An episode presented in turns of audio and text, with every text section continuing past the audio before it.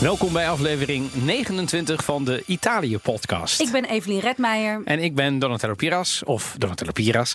En deze aflevering staan we een week na de officiële verkiezingsuitslag stil bij hoe dat in Italië is aangekomen.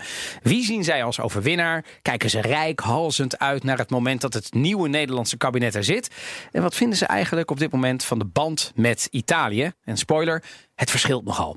En ditmaal in de cultuurtip. Lasciati ogni speranza voi entrate. Als ik die zin uitspreek, dan zullen heel veel mensen, maar misschien zelfs wel Evelien, denken: oh ja.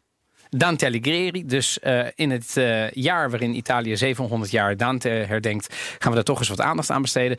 En we zaten vandaag op Clubhouse. Dus laten we daar ook eens eventjes over uh, na gaan praten. Nou, eerst over, over jouw tip. Ik vind wel dat jij hè, na alle Netflix-rommel die ik hier mee heb genomen, dat we eindelijk. dat we eindelijk eens gewoon, gewoon die, die, die lat wat hoger leggen en gewoon na 700 jaar, alsof de podcast al zo lang bestaat, eindelijk Dante is in het zonnetje zetten. Ja, ik dacht ook de eerlijkheid gebied te zeggen dat ik aan het scrollen was en dacht: ja, maar ik heb gewoon bijna geen film meer. Uh, om, om, te, om, om te tippen. Nee, maar het is. Het is uh, dus ja, het, het is ook is... uit de armoede geboren. Maar dan is dit toch wel mooi. Niet horen, nee, infatti. Ja. Dus toen dacht ik, maar er ligt nog een hele andere wereld. En toen, laat ik maar meteen een linkje maken, want wij zaten vandaag op Clubhouse. Eén van onze luisteraars die zei ook iets meer boeken, iets meer. Ja, Yuki was dat volgens mij. Ja. Um, en toen dacht ik, ja, want dan, dan kunnen we nog uh, maanden, jaren vooruit. Ja, even terug naar het begin. We zaten vandaag op Clubhouse. Uh, voor de mensen die dat niet hebben gehoord, dat is dus een nieuw platform waar je dus audio ontmoetingen kunt hebben. En ja. dan zijn er twee mensen die dat hosten. Dat waren wij toevallig, want wij hosten graag. Ja. En er waren dus uh, luisteraars van de Italië-podcast... die wij dus op die manier voor het eerst ontmoet hebben. Ja. Ik vond jij dus, ervan? Ik vond het extreem leuk. Ik kreeg wel commentaar en terecht van mensen van... ja, hallo, het was kwart voor twaalf s middags ik heb een baan. Ja, uh, ik, ik, ik, hoorde ook, mensen hebben zelfs hun, uh, uh, sommige mensen hebben een werkafspraak verzet. Ja, dat om erbij wel. te kunnen zijn. Ja. Dus we vragen veel. We vragen veel, maar volgende, je krijgt veel terug. Volgende keer gewoon s'avonds, Vind ik wel, dat we ook gewoon dat een beetje... En er zijn mensen die niet erop konden, want je hebt een iPhone of een Apple toestel ja, nodig. Android doet het nog niet, maar de tip is wel, je hoeft niet per se een iPhone te lenen. Het kan, als je een iPad hebt of zo, kan ja. het ook. Hè, kun je gewoon... Uh, ja, ja, maar je moet dus wel iets, iets, iets van, van, Apple, Apple hebben. Ja. Maar ik vond het, ik vond het uh, ontzettend leuk. En ik vond, nou ja, ten eerste was iedereen heel enthousiast en moet heel erg uh, lachen om ons. En wij zijn dan een lichtpuntje in de week. Ja, daar word ik heel erg uh, warm van binnen. Zelfs, zelfs Evelien krijg je daarmee wel. Uh, ja, ja, ik kan, nee, ik kan daar nu niet een beetje cynisch en grappig nee. over doen. Ik vond het echt ontzettend leuk. Ja. Ik vond het bijzonder leuke mensen. Ik vond het hartverwarmend. Ja, en ze hadden dus, dat, dat is eigenlijk de insteek van de afspraak, de meeting, de hangout. Ja, nou ja, Donatella houdt hier tegenover me een gigantische lijst Ja. van uh, de tips die we van luisteraars hebben gekregen waar we het over zouden kunnen doen. Dat gaat over Italiaanse ingenieurs tot Ja. uh, hoe Italianen het huishouden doen, Italiaanse bruiloft, bruiloft de, de Vespa inderdaad, Ja. uh, muziek en ja, en ik vond het gewoon heel erg leuk. Basso. Ja, Werd de- meteen genoemd. ja, nee, het was echt ontzettend ja. leuk. Het was echt ontzettend leuk. En ik vond het ook heel grappig om te horen waarom iedereen zo uh, ja, die band met Italië heeft. Of het gewoon komt door familie, of door de liefde, of door als favoriete vakantieland. Er ging iemand binnenkort naartoe verhuizen. Super divers. Ja, dus uh, ik Ja. dacht eerst een uur, want jij zei een kwartier van tevoren. Ja, weet je nog dat we dadelijk een, uh, een uur een, een uh, clubhouse hebben? Toen kreeg, ja, ik, ja. toen kreeg ik terug een uur uitroepteken. Wel uur. heftig. Ja, ja, vond ik gortig. Maar gortig, dat was het woord. Ja, dat was go- go- wel gortig. Wel gortig, ja. En Maar het vloog voorbij. Nee, dat meen ik? Ja, ja, maar Ik, ik bedoel, ik, ik dacht, eh, als het in een half uur klaar is, gaan we echt geen uur door. Maar ja, ik moest, ik, moest aan het einde nog even vaart inzetten om de laatste drie. eh, want het, wa- wat ik er echt heel leuk aan vond, is dat ik eh, heel veel inspiratie heb opgedaan hè, op het briefje wat jullie horen. Dus we kunnen oprecht eh, weer maanden vooruit, ook met onderwerpen waar ik zelf nog niet aan gedacht had. Waarvan ik dacht, oh ja, maar dat is ook een leuke Ja. insteek, zeg. En ik ben heel blij, toch een mooi bruggetje wat ik nu ga maken, dat niemand zijn beklag heeft gedaan over ons alcoholgebruik tijdens de opnames. Daar ben je bang voor, hè? Ja, was ik toch eventjes bang voor. Vandaar dat je dat dan gaat horen en dat je moet gaan verdedigen. Nee, Maar het is, het is altijd s'avonds. het is altijd s'avonds, Eh, zeker. Wij drinken eh, eh, eh, twee glaasjes. Ja. Dus En, eh, nee, oh, nee, jij bent je nu toch aan het, uh, aan het verontschuldigen. En vero, Sissi. Maar wat heb ik, Maar heb, ik wat heb je beurt. meegenomen? Want Evelien is aan de beurt en ik ben super blij. Ja, want ik heb de Vecchio Amaro del Capo meegenomen. Weet jij trouwens waar die vandaan komt? Waar is, want Am- Amaro is eigenlijk een verzamelbegrip. Ik wil net zeggen, we moeten misschien zometeen even die eh Amaro del Capo. Is het zuiden sowieso? Ja, oké, oké. Capo, even kijken, eh, Calabria moet het zijn. Heel goed. Toch? Ja, zeker, zeker, zeker. Maar ik weet niet precies waar. Dus, eh, Nou, ik vind eh, Calabrië is, ja, ik is, ken ze is genoeg. Het, is dus het zijn kruidenlikeuren die op allerlei plekken worden gemaakt. ken je Braulio? Nee. Dat is ook, de Braulio komt uit Lombardije, uit de bergen. Dus ik weet nog wat... eh, Het is wel grappig. Uiteindelijk, als je ons nou moet onderverdelen, zit jij altijd een beetje zo dat tutut in het noorden. te tutten in ja, het noorden. Met, met een huis op, aan zo'n meer en, eh, lekker kunnen rijden met een caravan er naartoe en Hey, zo. die caravan die heb je erbij bedacht. Nee, ja, goed. Maar had zomaar gekund. En dat ik een beetje in dat, in dat woeste zuiden. Ja, dat ruige zuiden. Dat ja, dat ken jij ook best wel Ken ik goed. beter, ja, sterker nog, ja. Als, als jij een aankondiging van Sanremo doet, dan weten we in ieder geval dat heel Napels gek wordt. Maar goed, de Vecchio Amaro del Capo. Het is overigens mijn... eh, ik vind het het, lekkerste. Het zijn ook wel van die dingen... Ik drink dit nooit in Nederland. nee, maar en daarom, ik was hier zo blij mee. Ik, ik heb thuis Sambuca, daar heb ik wel een keer al een heel verhaal. Ja. Om mijn hele studententijd eh, uitgelicht. Limoncello natuurlijk, altijd Ja. in de vriezer wel, want je weet nooit wat er gebeurt.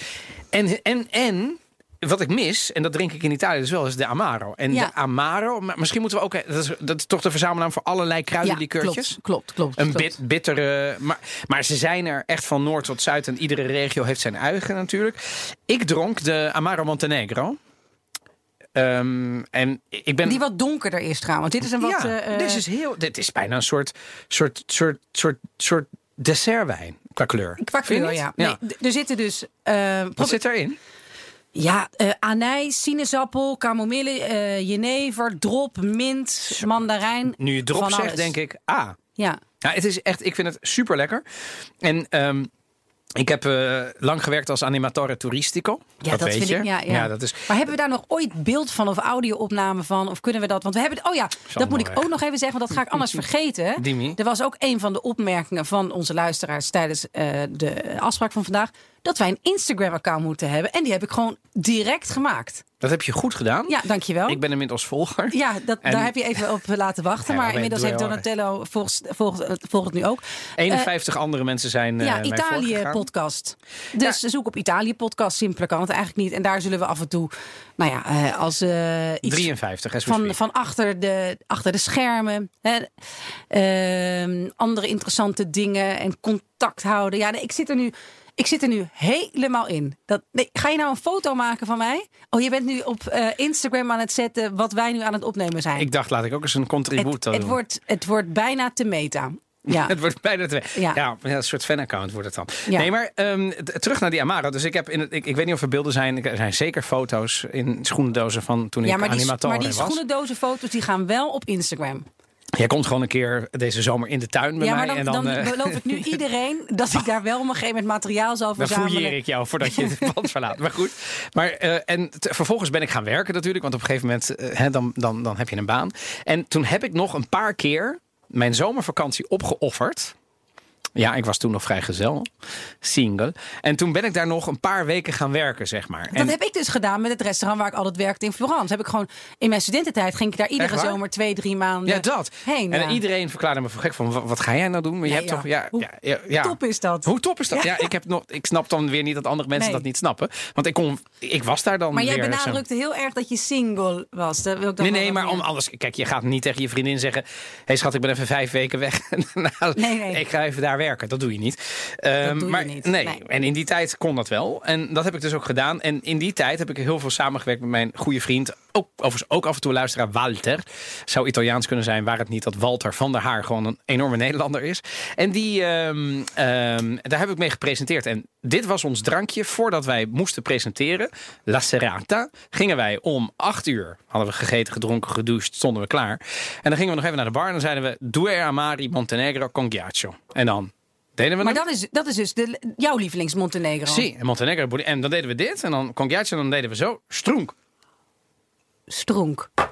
Ik zie het. Ja, ik zie het. En, dan, en daarna konden we zeg maar drie uur lang op het podium staan. Dus dit wordt ook een hele lange podcastaflevering, begrijp ik. Jij zou zo die drie uur kunnen aantikken. Dat zou zomaar kunnen. Maar dat doen we onze luisteraars niet aan, anders moet je zo lang hardlopen. Ja, er zijn mensen die ons luisteren tijdens het hardlopen. Die dus Heel eigenlijk veel. afhankelijk zijn van hoe langzaam wij van hoe, hoe lang van stof wij zijn op een bepaald moment wanneer ze mogen stoppen met hardlopen. Dus eigenlijk, coronatechnisch is het beter als wij gewoon tien minuten langer doorgaan. Oh, je bedoelt qua over. Jij, jij, jij, je, je beticht onze luisteraars van over. eh, nee, nee, nee. gewicht. Ik zeg alleen maar, die lockdown gaat nog langer duren en we moeten ik sportief wil, het blijven. niet, ik wil het er niet. Ik heb net ook mijn, mijn nieuws van de week. Heb ik, ik heb het ook gewoon veranderd. Omdat ik geen zin heb om het over corona te hebben. Over het laatste nieuws gesproken. Evelien. Ja, nou, dat is eh, iets heel anders. Het heeft natuurlijk wel een beetje zijdelings met corona te maken. Maar er is een gigantische ehm, ehm, staking bezig van Amazon. Eh, Ja. werknemers, riders, Wat chauffeurs. Dat weet jij weer, wat goed. En eh, dat is natuurlijk, heeft een ontzettende vlucht genomen door corona. Eh, en nu schijnt volgens eh, de vakbonden zou, eh, zouden daar ongeveer 80% dus de 75 en 80% van de mensen zouden daar het werk hebben neergelegd vandaag. We nemen maandag op. Ja. Ehm, en ik was er toch wel heel erg van onder de indruk. Want ik, ik zie het hier natuurlijk ook wel om me heen.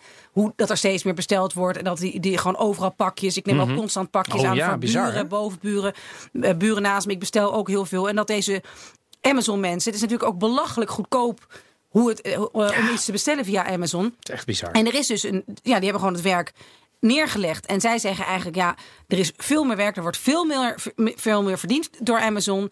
Eh, maar wij zien daar eh, als eh, riders. Helemaal niets van terug. Wij moeten alleen maar harder werken voor hetzelfde geld. Maar ik, ik heb dit eh, nog gezien op de Italiaanse televisie, eh, volgens mij een week voor kerst. Ja. En eh, die riders, zeg Ja. maar, hè, dus die, die, ik noem even, volgens mij weet ik een fietscourier in Milaan. Het was echt gênant. Het was gewoon een man van een jaar of, nou, wat is het, 30. Ja. En die verdiende gewoon zo weinig. Ik kan het me niet, maar het waren echt van een paar euro per, was een paar euro per uur. Ze moeten is, tussen de 180 en 200 pakjes per dag. ik wil het zeggen, ze hebben een moordend tempo. Ze krijgen super weinig betaald. Ja, het is. Het is ehm, en in Nederland hebben we natuurlijk ook wel een probleem eh, Ja. daarmee. Ehm, het is een beetje de moderne slavernij, toch? Als je het zo hoort. Zeker. En in Italië heeft het een ontzettende vlucht genomen. Want zo, net als het werken op afstand, dat was daar een stuk minder dan hier. En dat geldt ook voor e-commerce. We hebben gewoon in 2020 is er een 31% stijging geweest. Zoveel? Ja, van het eh, bestellen via eh, op afstand. Dus het kopen op Snap ik afstand. natuurlijk wel. Eh, ja, en daar willen ze nu wat van terugzien. En ik, ja, ik vond het eigenlijk wel interessant. En dat ik hoop dat nou ja, vakbonden in Italië zijn een stuk sterker dan ze nu in Nederland zijn op het moment. Maar dat dus deze riders van Amazon daarvan gaan profiteren. En dat ze zo'n eh, groot, bedrijf als Amazon daarmee op de knieën krijgen. Dus dat was, dat was mijn nieuws. Een heerlijk activistisch vandaag. Ja, en van jou, wat is, wat is jouw nou, nieuws? ik ga het hebben over happiness. Happiness. Hap- happiness. Eh, ja, want eh, de World Happiness Report is weer uit. En dan is het natuurlijk weer de vraag: wat is het meest gelukkige land ter wereld? En dat was het vorig jaar ook al. En het blijft Scandinavië of Finland, geloof ik. Ja. Denemarken. Finland. Oh ja. Finland is gewoon. moeten stoppen bij Finland. Ja, Bizar, ja, is heel goed. Ja, nou ja, daarna IJsland, daarna Denemarken. Dus je Maar zit daar echt zijn toch goed. ook wel weer de meeste zelfmoorden of zo? Of, Ik zou precies hetzelfde hebben gezegd. Weet Ja. je dat? Ik zou depressief worden. ja, toch? De helft van het jaar staat donker. Ja. Maar goed, ja, dit is vast dat- ook ja. heel bekrompen. Dit is waarschijnlijk roept. Het is net zo bekrompen als dat iemand gaat roepen. In Italië eten ze de hele dag pasta en pizza. Dus ik weet hier niks vanaf. Schoenmaker blijft bij je leest. Mhm. Finland is niet voor niks, eh, zeg maar, uitgeroepen ehm, door het World Happiness Report. eh, tot het beste land, eh, zeg maar het meest gelukkige land ter wereld. En dan, dan ranken ze echt op een heleboel verschillende parameters. Dus het is niet zomaar iets. Ehm, Nederland, een plaatsje gestegen. Wij Van? maken wij, van zes naar vijf. Wij maken dit eh, op het zeg maar vijfde gelukkige land ter wereld. Wat ik ook fijn vind. Maar de vraag is natuurlijk, Maar dit wij is de hebben heel. Scandinavië boven ons. Ik ja, ben ik dan toch benieuwd. Eh, we hebben Finland, is geen Scandinavië, maar en IJsland eigenlijk ook niet, maar het is een deelrepubliek van. Even kijken, Denemarken is voor ons, Zweden achter ons en ik mis Noorwegen en die, die valt er denk ik echt wel een stukje buiten. Eh, nee, Noorwegen staat net in de top 10. Ja, Italië staat niet in de top 10. Nee? Niet in de top 20, wel in de top 25. Namelijk op plek 25, ook een stijger, drie plekken gestegen. Net na Spanje, vind ik interessant. Vind ik interessant. Ehm, en eh, landen die bijvoorbeeld nog voor ons zijn, is bijvoorbeeld Saudi-Arabië, eh, de UK. Is overigens wel gedaald. even, voor ons De betekent UK. dat ze gelukkiger zijn dan wij? Ja. Saoedi-Arabië is gelukkiger dan wij. De mensen in Saoedi-Arabië. dat alleen de mannen daar mogen stemmen. Mag ik daar toch even nog iets activistisch over zeggen? nou, heel graag zelfs. Ja.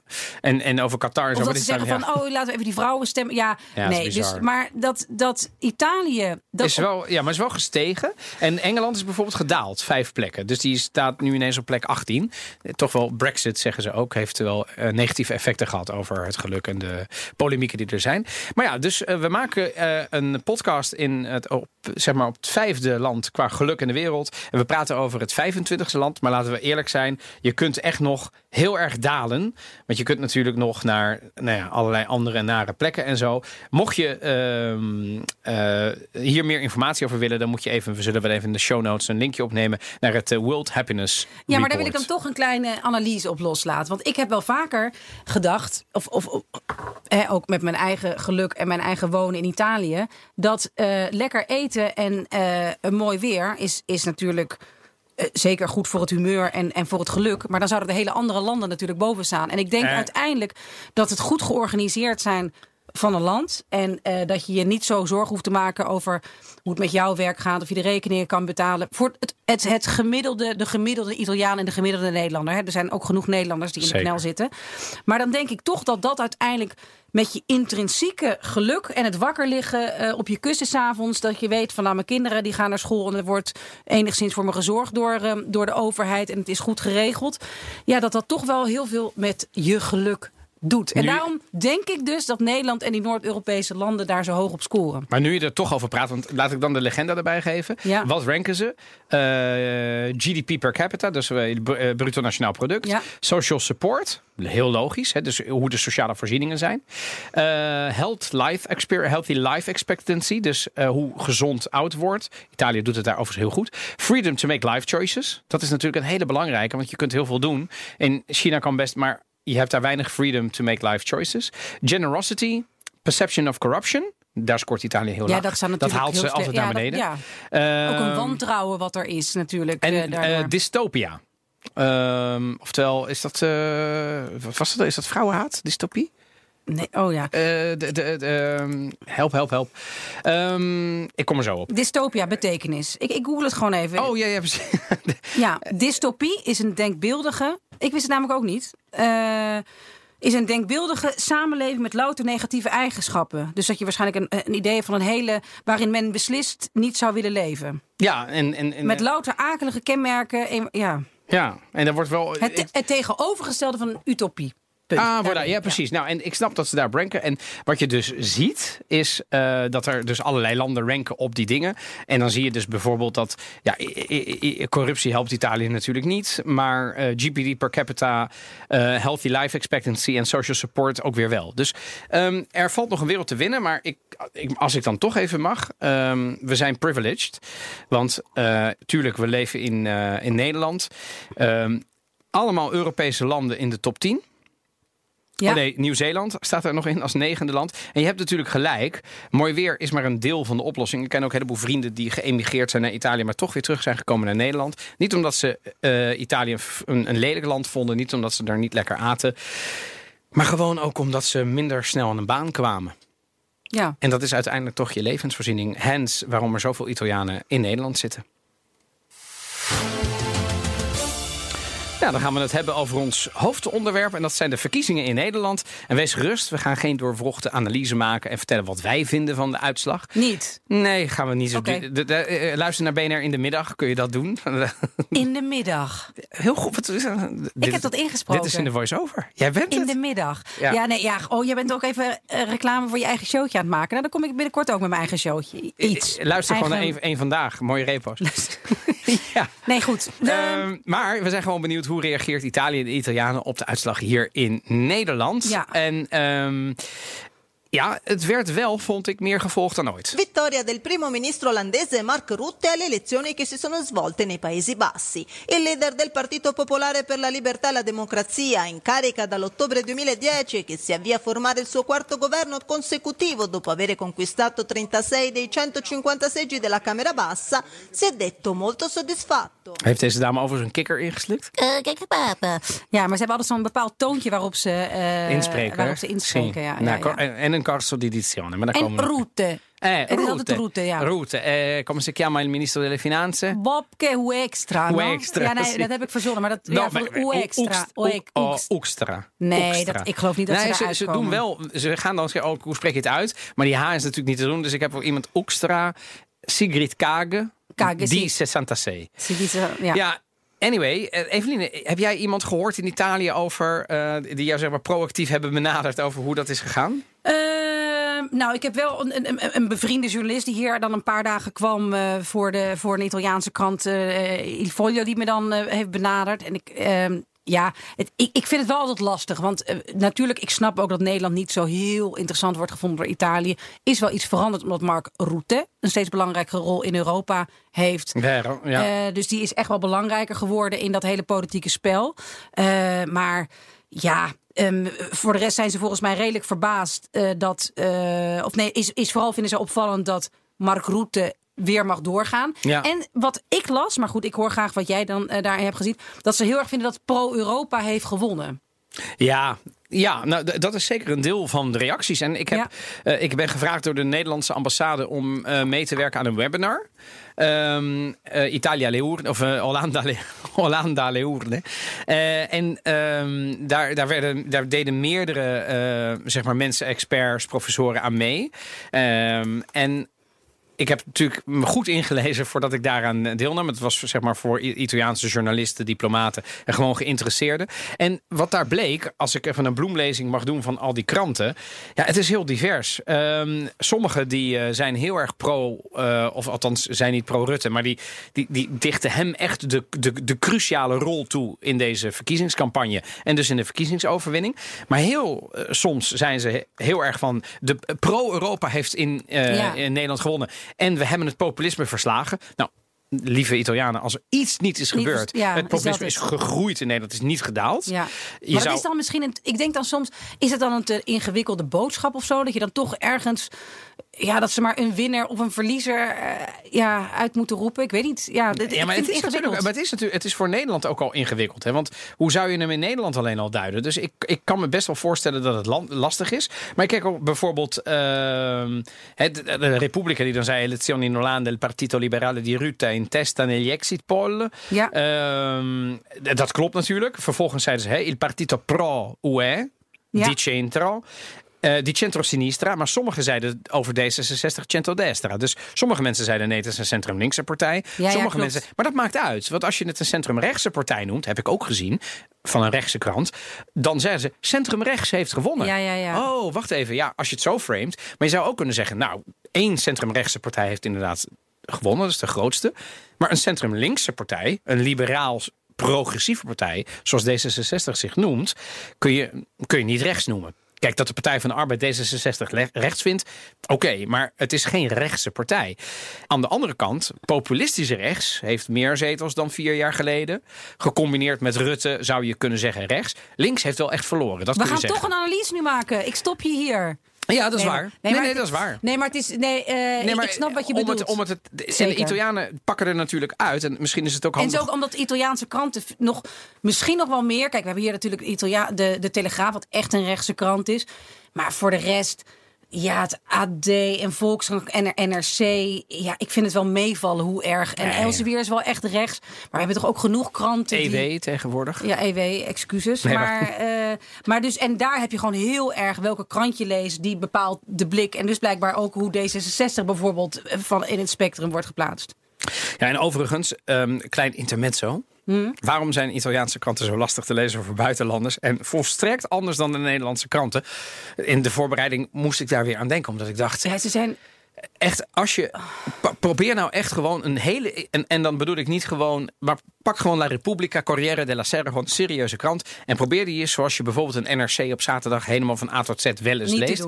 Is niet te doen. Nee. Alleen al vanwege de, het, het lettertype en de Veel regel. kleiner, ja. En ook het, het Geen, taalgebruik. geen plaatjes. Nee, je hou, Ik nee. hou erg van plaatjes. Ja, ja, maar we zijn in Nederland ook op echt een heel ander. En wat, wat, is, wat is jouw analyse waar, waar dat aan ligt? Je hebt er ook gewoond, dus ja, als uh, journalist. oude mensen, gewoon oude mensen in die krantentoppen. En uh, ik denk, ja, kijk, en wat nou de oorzaak en gevolg is. Ik denk uiteindelijk vooral oude mensen de kranten lezen. En dan kun je zeggen van ja, als zij misschien iets zouden vernieuwen en er wat meer een tijdschrift van zou, zouden kunnen maken. Zoals hier echt de afgelopen 15 jaar is gebeurd. Er zouden meer jonge mensen een krant openslaan. Maar ja, zij, hun, hun publiek is, uh, is waarschijnlijk erg oud. En ik geloof dat ook die krantentoppen gewoon oud zijn. Ja, ze hebben het altijd zo gedaan. En dat is helaas in Italië een reden om het nog een flinke tijd zo te doen. Maar ik ben het met je eens. Het, misschien dat er hoogte een stripje is en één foto. Maar voor de rest zijn het gewoon lappen, lappen, lappen tekst. En het is ook. Um, en ik denk er ook een analyse voor te hebben. Ik heb in uh, Verona uh, ooit wel vaker, maar ook privélessen genomen. En ik wilde met name analyses leren maken. Dus dan had ik mhm. een lerares in mijn vakantie. En die ging dan, en dan ging ik de eerste week van mijn vakantie besteden ik dan daar aan. En dan ging ik iedere ochtend tot half twee naar school. en dan moest ik s'avonds uh, YouTube filmpjes kijken en daar een Italiaans opiniestuk over maken. Want ik dacht, dat moet ik kunnen. Want ik kan het in Nederland ook. Mijn hemel, wat moest ik hard werken. Laat ik mhm. daarmee beginnen. En dat heeft ook te maken met het feit dat een en dat heb ik daar echt geleerd. Daarvoor had ik dat nooit door of ik wist het niet eens. Het geschreven Italiaans, hoe anders dat is dan het gesproken Italiaans? Dat, dat is het allereerste. Het geschreven, het, het parlato e scritto mhm. is echt een wereld van verschil. Ja. Het, het, het uh, parlato is makkelijker, vele malen vind ik, dan het geschrevene. Want als Italianen ergens pietje precies zijn, dan wordt het op het moment dat ze dingen beginnen te schrijven. Mhm. En ten tweede, je moet contextueel vertellen in Italië. Dus wat je niet kunt doen, terwijl wij in Nederland aan de andere kant van het spectrum zitten, wij zijn juist kort en efficiënt. Dus als ik een opiniestuk moet maken voor NRC, nou, dan weet ik, ik mag er maximaal 800. En dan praat ik met die redacteur 800 woorden. En dan moet het kort en efficiënt zo snel mogelijk en het liefst ook ergens naartoe. Ja. In Italië moet je eerst de context schetsen. En dat heeft die lerares mee. No, maar Donatella, non puoi fare così. Maar perché dici questo? Ja, omdat. Ja, maar dan moet je dat dus ook schrijven. Ik zeg maar, dan wordt het heel lang. Ja, maar dat maakt niet uit. De, het lengte maakt niet uit. Het gaat erom dat de lezer begrijpt waar jij vandaan komt. Dus mijn Italiaanse opiniestukken waren ook altijd 2000 woorden of zo. En dan was ik kort geweest. Lag ook aan mijn beperking. Zo goed ben ik niet in het Italiaans. Maar en toen dacht ik, ja, maar nu snap ik dat die kranten. Heb jij wel eens La Gazzetta gelezen? Gewoon op een doordeweekse eh, donderdagmiddag in, op het strand. En dan een stuk over voetbal. Nee. Nee, dat snap ik. Maar ik doe dat maar wel. Noem, noem een andere krant en ik zeg ja. ja maar, maar La Gazzetta ik, noem de Gazzetta... is, de, Italiaanse sportkrant. Ja. Dat even zeg ik voor de mensen die dat... Uh, maar, maar, maar ik zeg, ik zeg bewust Gazzetta. Waarom? Omdat bij een sportkrant verwacht je niet... dat ze daar een halve poëtische nee. uitbarsting... Maar ook de Gazzetta dello Sport schrijft een Italiaanse sportjournalist... heel bloemrijk, uitgebreid en contextueel gedreven. En dat is echt een enorm verschil. Ja, um, ik, ja, ik vind uh, kranten in Italië ook een stuk minder uh, leesbaar dan, um, ja. dan hier in Nederland. Ja, ik moet dus, ook echt mijn best doen iedere keer. Dus ik laat het ook wel zien. Kijk eens hier gewoon hoe, hoe, de, eh, wel hoe een Volkskrant, de NRC of, of Trouw of wat dan ook Wat vinden ze daar dan van? Ja, nou ja, dat het er gewoon veel aanlokkelijker uitziet. Ja, toch? En, uh, en ook wat, ja, wat vrolijkere en wat modernere verhalen Ik denk dat ze ook meer lezers zouden hebben. Want het aantal lezers in Italië is natuurlijk bedroevend. Bedroevend, ja. ja nee, dat, dat, dat is ook zeker zo. Um, over Even terug weer naar uh, hoe naar de, Nederlandse politiek, politiek wordt gekeken. Ja. Route is dus ook uh, echt wel bekend inmiddels. Zeker. Ook omdat hij er al lang zit. En hij is uh, belangrijk op het, uh, inmiddels mm. op het Europese podium. Um, Hoekstra heeft zich niet bepaald geliefd gemaakt. Omdat er ook in Italiaanse kranten vrij heftig is geschreven. over hoe hij zich heeft opgesteld bij de verdeling van het noodfonds. Of toen daarover werd overlegd met de ministers van Financiën van de verschillende lidstaten. Nou. En daar heeft hij toen schijnbaar. Um, is hij redelijk heftig van leer getrokken. Uh, door te zeggen, ja, wij hebben onze uh, huishoudboek hebben op orde gekregen de afgelopen jaren. Toen is hij allerlei cijfers gaan noemen voor over. Uh, het begrotingstekort in Nederland en hoe dat was gedaald. En ja, dat denk ik ook wel. Oh, mijn hemel, wat is het toch af en toe lomp. Hè? Wat zijn er toch af en toe olifanten in porseleinkasten. En het is ook, ken je plaats een beetje. Hè? Nederland is natuurlijk een, een, een, een belangrijk land, maar ook weer niet zo'n belangrijk land. En je moet wel met, uh, wat is het, 27 lidstaten vervolgens uh, verder in tijden van crisis. En op dat moment uh, stierven er duizend mensen per dag in Italië. Um, ik heb ook wel eens um, in Italiaanse talkshows moeten zitten over de Nederlandse politiek. En? Nou ja, even nog los van het feit dat je dan een hoeveelheid make-up en, en een soort pruik aangemeten krijgt in de make-up. Ik kreeg gewoon een Rayuno-hoofd opgeschilderd. Dus je hebt gewoon uh, Lily Gruber. Uh, nou ja, echt. Maar het is echt zo. Ze zien gewoon jouw hoofd als een soort basis. En daar tekenen ze een gezicht ja, tekenen op. ze gewoon een gezicht op. Wat, dus ik kreeg jukbeenderen en een heel fijn neusje. En ja, dus er werden gewoon een soort 15 lagen was er opgestaan. Ik ga nu googlen. Ja, ik weet niet of het op, of het op Google staat. Staat het nog online, denk je? Nee, maar het was wel gewoon... Ik werd er gewoon ook echt aangevallen. Dat ging toen over uh, de Sea-Watch. Dus de Italiaanse, oh, het Nederlandse schip. Het schip, oeh schip van uh, een NGO, een hulpverleningsorganisatie die migranten oppikte onder Nederlandse vlag. Met onder andere een Nederlandse crew aan boord. En uh, die werd nergens aan wal gelaten. En Nederland had al gezegd: wij gaan er sowieso niets mee doen. Dus. En toen, ja, Rutte weer toen wel door. Dat gaat er niet over kranten, maar over talkshows. Maar toch ook wel in die kranten. Uh, neergezet als een ontzettende harde en asociale. en een totaal niet uh, solidaire Europese partner. En ik vond het wel best wel lastig om, om recht te zetten. Maar ik schrok er toen wel van. En volgens mij gebeurt dat niet zo snel in Nederland. Maar nee. ik werd daar bijna. Mijn eerste antwoorden begonnen ook iedere keer met: ja, ik ben geen ja, pion van het nee, ne de Nederlandse nee. regering. Maar je krijgt dan de kritische vragen ja, op ad het... persona. Ja, ja, ja. zijn we heel herkenbaar. Want dan uh, zien, zien Volgano en dan Ja. krijg je ja. Maar ik, de- de- wat mij dus ehm, opvalt uit die analyse, dat is niet heel gek, maar het is wel waar. Het verschilt heel erg. Sommigen pakken Volt eruit. Overigens in Ja, Italië, in Italië ontstaan hè, de, de Ja. beweging. Ehm, en die, dat vinden ze heel erg goed, want eh, dat, hun analyse is dat, dat vond ik wel mooi om te lezen. Dan zeggen ze: ehm, La divisione olandese del movimento politico pan-europeo Volt, presente in 29 paesi, comprese l'Italia, è riuscita a entrare nel Parlamento del paese frugale per eccellenza. Ja, dus het, het, het, Het, frugal, het, bezuinigen. gierige, wat is, dat is het echte woord, gierige land, par, eh, hoe zeg je dat, Eh, bij, bij, bij uitstek. bij uitstek. Dus wij zijn een gierig. Dus dat is ook een, een, een enorm frame. Dus van links tot rechts pakken ze er natuurlijk uit. Hè, niks menselijks is ze daar vreemd wat ze willen. Wat me wel opviel is vele malen kritischer dan dat ik ze door de jaren heen heb gehoord. Het was vroeger gewoon een trafiletto, gewoon een, klaar, een paar woorden. En nu was het wat Ja. uitgebreider. Ik denk dat dat komt door wat jij zei, Evelien. eh, door, door de botsingen. En ik heb ook echt wel gehoord dat, ehm, ook op professioneel niveau... De diplomatie gaat gewoon verder. Hè? Dus Nederland en Italië zijn gewoon hele belangrijke handelspartners. En na Brexit schijnen ze ook op dat niveau veel meer samen te werken. Maar dat er wel meer gelijmd moet worden. Ook bilateraal. Vanwege de harde opstelling van Rutte en Oextra. Ehm, en dat, is, dat schijnt nog niet helemaal gelijmd te zijn. Nee, dat snap ik wel. Dat snap ik wel, ja. Dat daar nog eh, achter, eh, achter gesloten deuren. Dat, ze, dat, ja, dat diplomaten daar wel echt eventjes Ja. heel nerveus van werden. En eh, ja, dat er veel kapot is gemaakt. Want ja, I- I- I- Italië, Italianen zijn daar wel erg gevoelig voor. En dat, dat lompen eh, en dat directe, dat staat natuurlijk wel heel erg af van de Ja, Italiaanse eh, Ja. cultuur. En tegelijkertijd, tuurlijk, weet je, ook Italianen framen. Wat mij ook nog voor de geest staat, is ineens was vorige keer het, eh, het Nederlandse beeld van het belastingparadijs een, een ding. Dat had ik nog nooit eerder gehoord. En sinds een jaar Zie- ja, is dat ineens.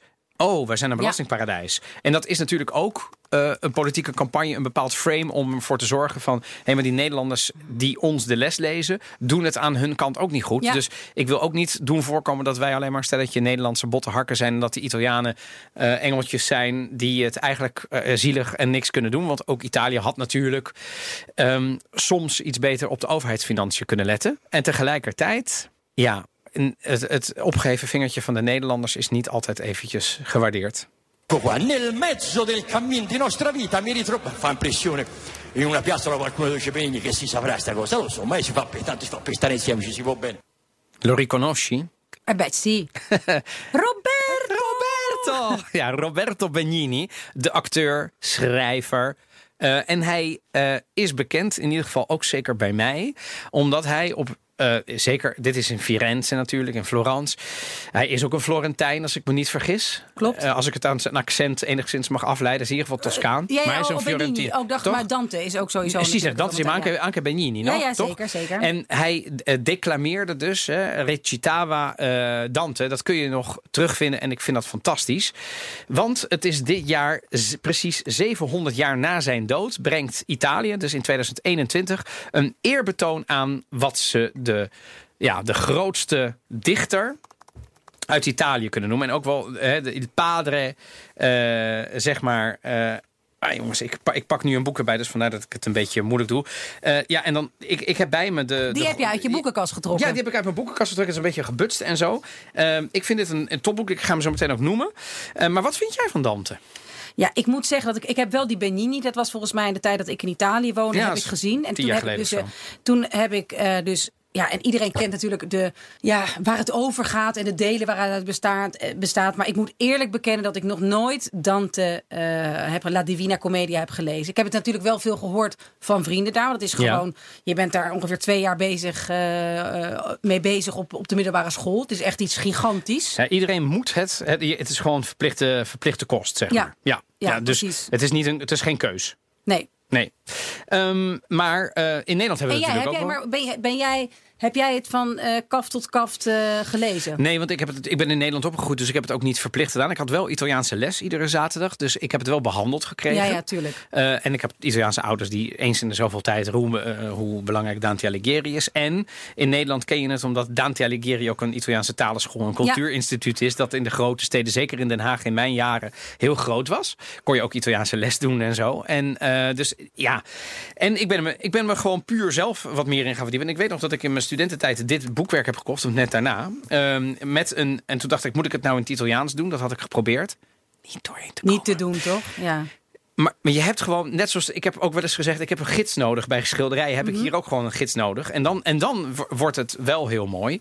Um, en ja, het is wel. Um, het is oud-Florentijns, het is oud-Toscaans. Uh, het, is de, het wordt ook wel een padre de, de lingua italiana genoemd. Dus het Florentijns wordt gezien als het, het puurste Italiaans wat er is. Ja, want het Italiaans is ontstaan uit, en het is niet andersom. Hè. Het Ja. Florentijns was eigenlijk de bakermat van. Uh, en dat heeft het Italiaans een beetje gevoed, zeg maar, als, ling, als, als, de, als de verbindende taal van al die stadstaten Ja. toen de tijd. Uh, maar ik vond het mooi. Dus het, het is Ai serva Italia, di dolore ostello. Nave senza nocchiere in gran tempesta, non donna di province, ma bordello. Nou, dan denk je, oké, hij begint ineens uh, een tekst te doen. Nou, Vertaald, mooi. geknecht Italië, o haard van Leiden. Schip zonder stuurman, nu het noodweer woedt. U hebt geen volk, maar een bordeel te leiden. Dante, 700 jaar geleden, over Italië. En toen dit was, al. dit was de, uit de Inferno, dus uit de hel. Dit was uit de? Louteringsberg. Uit Dit de is uit de oké. Vagevuur of uh, Louteringsberg. Va- eh, Purgatorio. Ecco. En wat ik er gewoon knap aan vind, het zijn 14.233 versen. Kanti geheten, hel, vage, vuur en paradijs. Ja, dus dat met de hele cadens is dat, begrijp je, dat moet gewoon voorgedragen. Ik heb het schema er eens op nagezocht. Het is dus het, het schema, het is, heeft een, een rijmschema en het heet ook, dat wist ik niet, Terzina Dantesca. Dus het rijmschema van Dante is dus een, is daarna een beroemd rijmschema geworden. En wij kennen bij de Sinterklaasgedichtjes, doe ik AB, AB of misschien...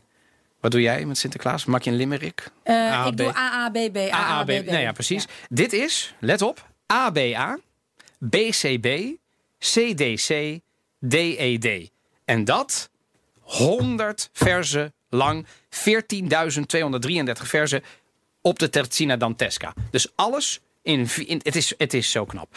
Maar goed, hij gaat erheen met de Romeinse dichter Vergilius. Later met Beatrice, de vrouw waar hij ook nog verliefd op was. Dus er zit ook nog een romantiek in. Dus ik vind het heel mooi. En ik ga drie tips geven. Want ik kan er heel erg veel over praten, maar je moet het gewoon zelf ervaren. Ten eerste, voor degenen die Italiaans verstaan, ga gewoon naar Roberto Benigni kijken. Op YouTube, Op YouTube gewoon. gewoon Het is gewoon Ja, graag. En je kunt en de hele uitzending, maar je kunt ook gewoon kleine versjes. Dan hoef je maar vijf minuten te luisteren. En, en, en nou ja, dat hoorde je zojuist in het geluidsfragment. Een tip om meer van Dante te weten. Het blog Ciao Tutti heeft er een mooie special van, moet ik zeggen. Zodat je door Florence reist. Saskia vertelt er van alles over met mooie foto's. En zeker in deze covid-tijd is het echt een aanrader. Volgens mij kost het maar een paar euro. En dan heb je dus gewoon een, een, een, een tour door Dante Florence. En zij vertelt erover. Je weet er en meteen heel veel van af. En je bent toch een beetje in Italië. En tot slot, koop het boek. Het is veertien keer in het Nederlands vertaald. Um, en ik ga niet op. Ik heb een beetje gelezen hoeveel verschillende soorten discussies er zijn over wie het beste boek heeft gedaan. Ik heb er maar één, zeg ik gewoon als povere niet-poëet. En dat is de, de uh, versie van uh, Ike Chalona en Peter Verstegen. Dat zijn twee boeken. De ene is de Nederlandse vertaling, of zeg maar het Italiaanse kanto. Uh, en daarbij de Nederlandse uitleg. Dan legt hij gewoon uit, dit zegt hij. En het is ook één keer, dit is gewoon de goddelijke komedie helemaal in het Nederlands. met cadans, met ritme. Ik moet je eerlijk zeggen, die ene vind ik leuker. Maar ik vind dit gewoon fantastisch. Je hebt mij overtuigd, dat meen ik. En ik zou, je weet ook dat ik het niet zou zeggen als het niet zo was. Ik denk Oh, van, nou, ja. met, nee, met alle tijd. Nee, zeker. Nee, met alle tijd eh, die ik in Italië heb doorgebracht. En ook dat ik weet over Dante. En dat ik dus Benigni heb gezien. En dat ik denk ik van ja, dit moet toch, kan niet in mijn eh, boekenkast ontbreken. En het, ja, het, is, het schijnt prachtig te zijn, ook op, op taalkundig niveau. Dus eh, het is het eerste, en dat zal ik je volgende keer vertellen. wat ik ga kopen in de Ja, boekwinkel. je mag hem meenemen. Nee, ik ga hem kopen. Oh, je gaat hem helemaal kopen. Ja, Oh, je hebt gelijk. Anders krijgt wordt Dante het, geen, eh, eh, brava. geen, royalties. en de Nederlandse vertalers. Want eh, hen, dat, hoe moeilijk Exact. lijkt me dat? Ehm, wat gaan we volgende week doen, Evelien? Ja, dan is het bijna Pasen. Dus dan gaan we uiteraard het over Pasen hebben. Alle paasgebruik, het paaseten, de paus. Bedankt voor die bloemen. Bestaat het nog? Is de paus... Pro... Nou ja, we gaan er gewoon een uitzending van maken. En al een beetje vooruitkijken naar Pasen. Heb je En, ook eh, eh, Colomba? Ja, dat zijn dus weer toch die type, typische zoete, zoetigheden die mij niet eh, zo zitten. Maar we gaan er een mooie aflevering van maken. Een paasaflevering van de Italië-podcast. We gaan hem zeker luisteren. Dank voor het luisteren naar deze aflevering. En tot de volgende keer. Ciao, ciao. Ciao.